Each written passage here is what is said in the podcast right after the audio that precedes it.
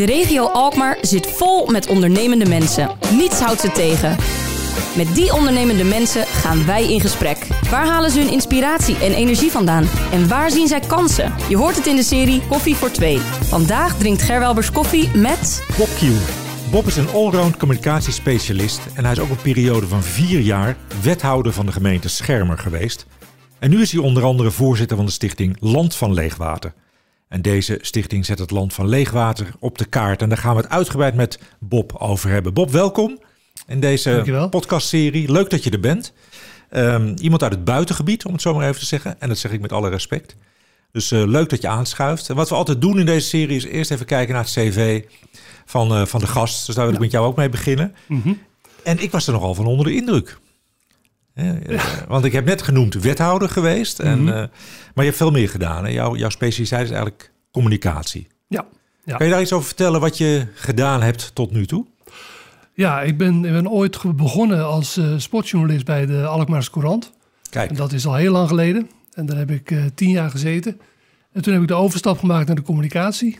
En ja, via Hoogovens en de arbeidsbureaus in Amsterdam heb ik heel veel verschillende communicatieklussen gedaan als ZZP'er. en eigenlijk ben ik sinds, sinds anderhalf jaar een beetje gestopt met werken. Ja, oké. Nou, dat staat op jouw cv onder andere, dat, dat sprak me wel aan. Je hebt communicatie gedaan rond het project Groot Onderhoud van de A10 West in Amsterdam. En vanwege je verdiensten daarbij ben je ook uitgeroepen tot communicatiemanager van het jaar. Wat maakte dat project zo bijzonder en zo succesvol qua communicatie? Uh, nou, de, de, A10 West, dat is de weg van, van de Koentunnel naar Amsterdam-Zuid. Dat was de, de drugsbereden weg van Nederland. Daar gingen 180.000 auto's per dag overheen. En uh, die hebben we voor de helft afgesloten gedurende uh, zes weken. In de en zomervakantie, in de kan ik me herinneren. Ja, ja. ja. In 2000 was dat. En uh, iedereen verwachtte enorme chaos wat betreft het verkeer. En vanaf dag één is er geen file geweest. En dat was eigenlijk heel bijzonder. Ja, hoe verklaar je dat? Ja, het was gewoon een hele goede voorbereiding op, op de werkzaamheden. Um, we hebben daar heel veel communicatie in gestopt, maar ook allerlei uh, maatregelen genomen waardoor mensen geen gebruik meer hoefden te maken van die weg. En uh, daardoor ontstonden er geen files. En eigenlijk is dat de, de basis geweest voor de, voor de wegenaanpak van Rijkswaterstaat zoals die nu nog steeds gebeurt. En wat maakte het uh, zo bijzonder? Jullie hadden alternatieven ontwikkeld hè, voordat je een alternatief kon aanbieden. Maar hoe belangrijk was de communicatie in het hele traject? Um, ik heb daar negen maanden gezeten. We hebben dus zeg maar acht maanden voorbereiding gehad. En dan de, de periode van, van werkzaamheden en, en de afsluiting. Ja, en, en hoe deed je die communicatie rond, uh, rond dat project? Want ik denk dat daar wel een sleutel in zit. Hè? Dat, je, dat je goed communiceert met ja. betrokkenen over wat je gaat doen, ja. wat de problematiek is, et cetera. Ja, we hebben een aantal doelgroepen benoemd en uh, al die doelgroepen hebben we apart benaderd. Dus automobilisten, uh, inwoners van Amsterdam, mensen die uh, daar werkten, mensen die uh, daar woonden. En we hadden op maat gesneden communicatie gemaakt. En met een centrale boodschap van het, wordt een, het wordt een puinhoop, dat, dat weten we. Maar u kunt er zelf iets aan doen. Eigenlijk een beetje vergelijkbaar met, met de coronacrisis nu. Hè? Van, ja. het wordt erg, maar als u zelf zich aan de maatregelen houdt, dan komt het wel goed. En dat is ook gelukt. Dus aan de ene kant het verwachtingspatroon managen van als er uh, puinhoop zou ontstaan, dat mensen daarop voorbereid waren. Ja. En aan de andere kant ook het alternatief aangeven van hè, je kan zelf bijdragen om daar ja. uh, te, om te voorkomen dat het zo erg wordt. Ja. ja. En is die, die blauwdruk die jullie toen hebben uitgevonden, min of meer, wordt die nu nog uh, steeds toegepast bij Rijkswaterstaat? Ja, Rijkswaterstaat heeft nog steeds dezelfde manier. Het is eigenlijk, ja, het, het is een, een heel proces geweest. Um, en Rijkswaterstaat heeft dat steeds verbeterd. Maar de, de, de basis het doelgroep benaderen, uh, mensen betrekken, mensen wijzen op hun verantwoordelijkheid. Dat is nog steeds de, de, de werkwijze van, uh, van Rijkswaterstaat. In veel gevallen denk ik niet altijd, hè? Want, want juist deze aanpak miste ik een beetje bij de leegwaterbrug problematiek. Ja, Nee, ja, Bob, jij bent voorzitter van eh, de Stichting Land van Leegwater. Dus moet het even over de leegwaterbrug hebben mm -hmm. in dat kader. Ja. ja. Ja, nee, daar zijn een aantal dingen inderdaad heel erg fout gegaan. Maar dat kwam ook met name omdat, uh, denk ik, uh, ja, de, de, de werkwijze uh, niet goed was. daardoor is er enorme vertraging ontstaan. En ja, dat moet je dan wel goed communiceren. En dat, daar is de provincie met name uh, in gebreken gebleven. Ja, nou we gaan het daar niet langer meer, uh, meer over hebben. Maar het, het, woord leegwater is wel gevallen. En jij bent voorzitter van de stichting Land van Leegwater. En dan is natuurlijk de eerste vraag. Wat is het Land van Leegwater? Uh, het Land van Leegwater dat is het gebied zeg maar ten oosten van Alkmaar. in 2016 is Alkmaar gefuseerd met de gemeente Graf de Rijp en Schermer. En Graf de Rijp en Schermer die, die vormen samen het Land van Leegwater. En de naam Leegwater, dat is natuurlijk een bekende. Uh, Jan Adriaanszoon Leegwater heeft in uh, 1600 uh, zowel de Beemster als de Schermer mede helpen droogmalen. En vandaar dus dat wij dat gebied het land van Leegwater hebben genoemd. Ja, voor velen bekend, voor velen ook nog niet bekend. Hoe zetten jullie het op de kaart, zeg maar, het land van Leegwater? Um, nou, is lastig. We zijn eigenlijk nog niet zo heel lang geleden begonnen. En toen we begonnen, toen brak meteen de coronacrisis uit. Um, kijk, wat we doen is, uh, we proberen zoveel mogelijk samen te werken. En uh, die samenwerking die, uh, die zijn we gestart met onder andere met Alkmaar Marketing. Want dat is de, de, professionele organisatie van de gemeente Alkmaar. En we hebben gezegd van nou, als we nou samen proberen dat gebied dus op de kaart te zetten. Nou, daar zijn we het afgelopen jaar mee begonnen.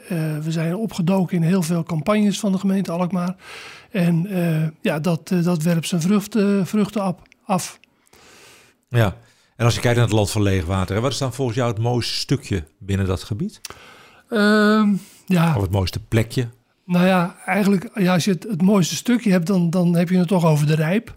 Uh, de Rijp is uh, zeg maar de geboorteplaats van, uh, van leegwater. Ehm, en daar zie je nog steeds de historie zoals die in 1630 eh, er ook was.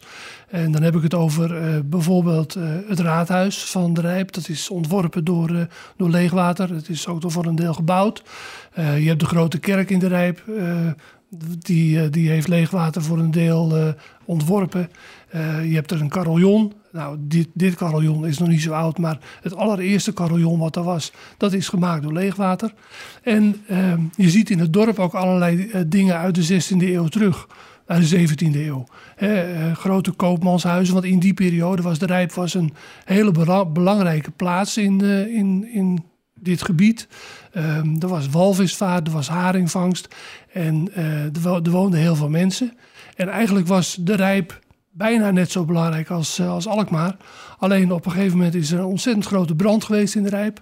En dan is het halve dorp afgebrand. Ja. En daardoor is uit de Rijp eigenlijk niet verder gegroeid en is Alkmaar wel groter gegroeid. Ja, ja. En ook denk ik door die inpoldering werd het wat moeilijker om vanuit de Rijp bijvoorbeeld de walvisvaart te doen, hè? Ja, ja, vroeger kon je natuurlijk rechtstreeks over de Beemster naar de Rijp varen. Dat kon toen niet meer, dat moest via de Ringsloot. Uh, en toen bleven die boten die bleven ook voornamelijk aan de, aan de Zuiderzeekust liggen.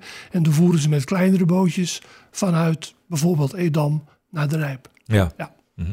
Nou ben je, je bent een bevlogen verteller daarover. Je bent de voorzitter van die stichting geworden. Wat was voor jou persoonlijk de motivatie om voorzitter te worden? Want ik neem aan dat je daarvoor gevraagd bent om dat te gaan doen. Uh, ja. Um, nou, ja, wat ik... Um, wat, wat persoonlijk voor mij telt, is dat, dat ik uh, mensen wil laten zien hoe mooi het gebied is uh, ten oosten van Alkmaar. En hoe bijzonder. En, en dan niet alleen dat je er veel rust en ruimte vindt, maar dat je ook de, de historie kunt, kunt terugvinden. En, en dat je kunt zien hoe in de 17e eeuw dit landschap is ontstaan. En, en dat dat eigenlijk met, met, door, door mensenhanden gemaakt is. Ja, met, met heel andere middelen dan die we nu tot onze beschikking hebben. Hè? Ja, dat ja. moest allemaal met de hand en met ja. emmertjes. Ja. ja. ja. Je kan je bijna niet meer voorstellen. Nee, dat het nee, zo vermaakt nee is. tegenwoordig komen ze met grote draglines en, uh, en dat soort dingen. En Ja. dat moest allemaal met de hand gebeuren. En daar stonden dus honderden of duizenden mensen met emmertjes grond. eh, hebben ze de dijken gemaakt. En eh, met, met behulp van, van windmolens hebben ze de, de polders leeggemalen.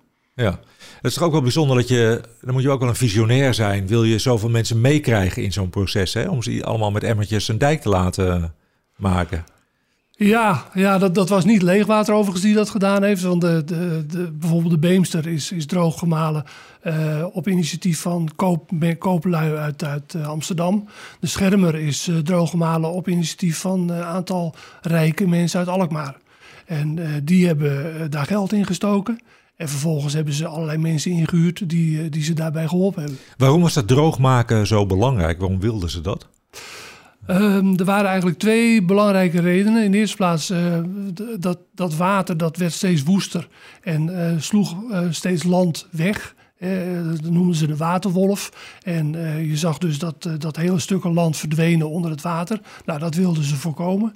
En het tweede was dat ja, er was op dat moment in, in, in, in Noord-Holland zeg maar, veel geld voorhanden. We zaten in de, de Gouden Eeuw. En um, de rijke kooplui die zagen wel handel of brood in, uh, in het droogmalen van die polders. Van dan kwam er grond beschikbaar. En die grond die konden ze dan weer gebruiken voor allerlei, uh, ja, uh, om allerlei gewassen op te laten groeien. Mm -hmm. En ja. daar verdienen ze aan. Ja, oké. Okay, dus puur eigenlijk twee motivatie. Enerzijds de natuurgeweld en anderzijds eenvoudigweg komt ja. om geld ja. verdiend worden. Ja. Je bent naast de voorzitter van de Stichting Leegwater, um, Land van Leegwater, ook voorzitter van twee andere clubs nog, hè? Kan je daar ook eens over vertellen?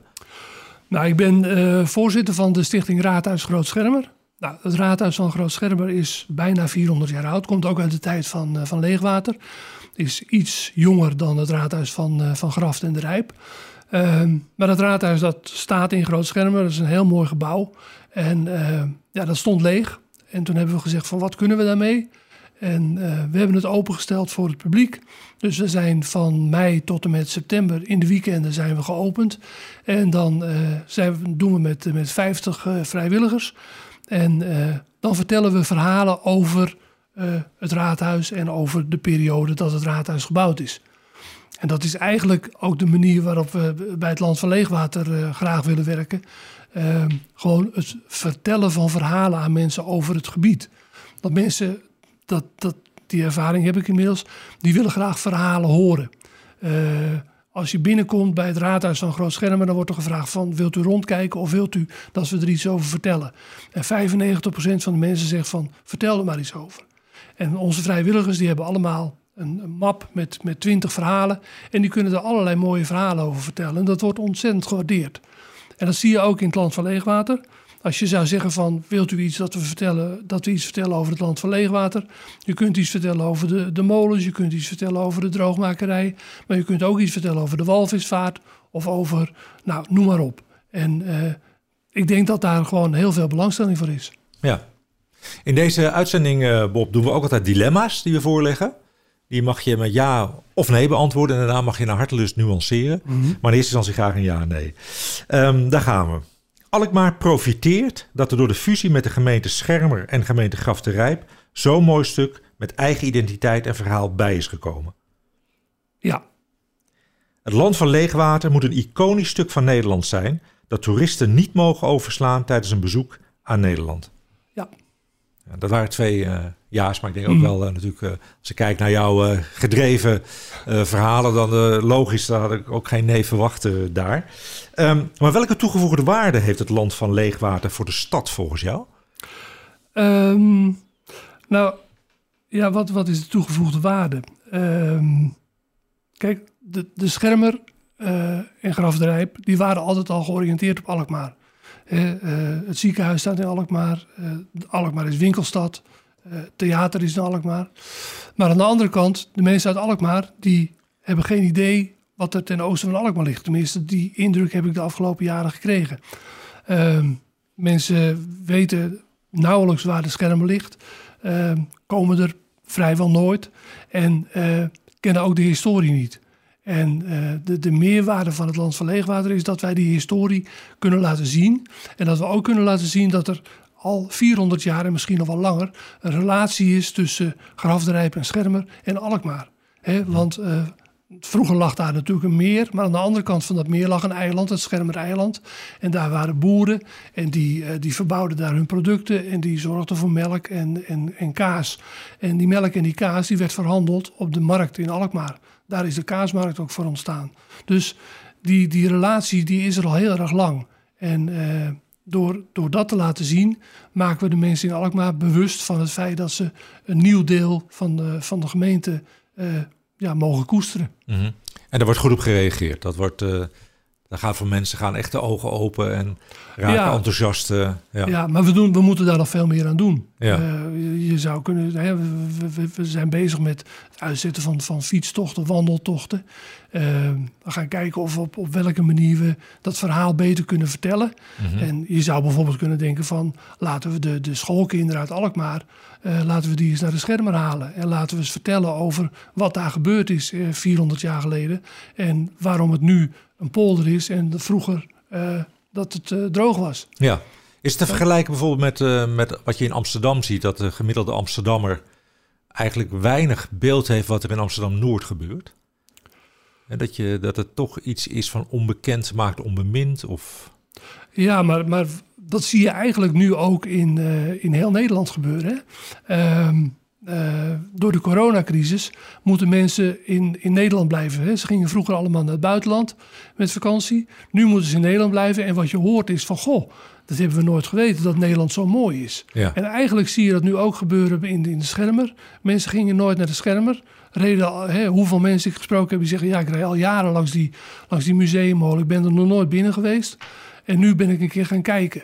En dan zie je pas hoe mooi het is. En dan zie je pas eh, wat daar allemaal eh, achter zit.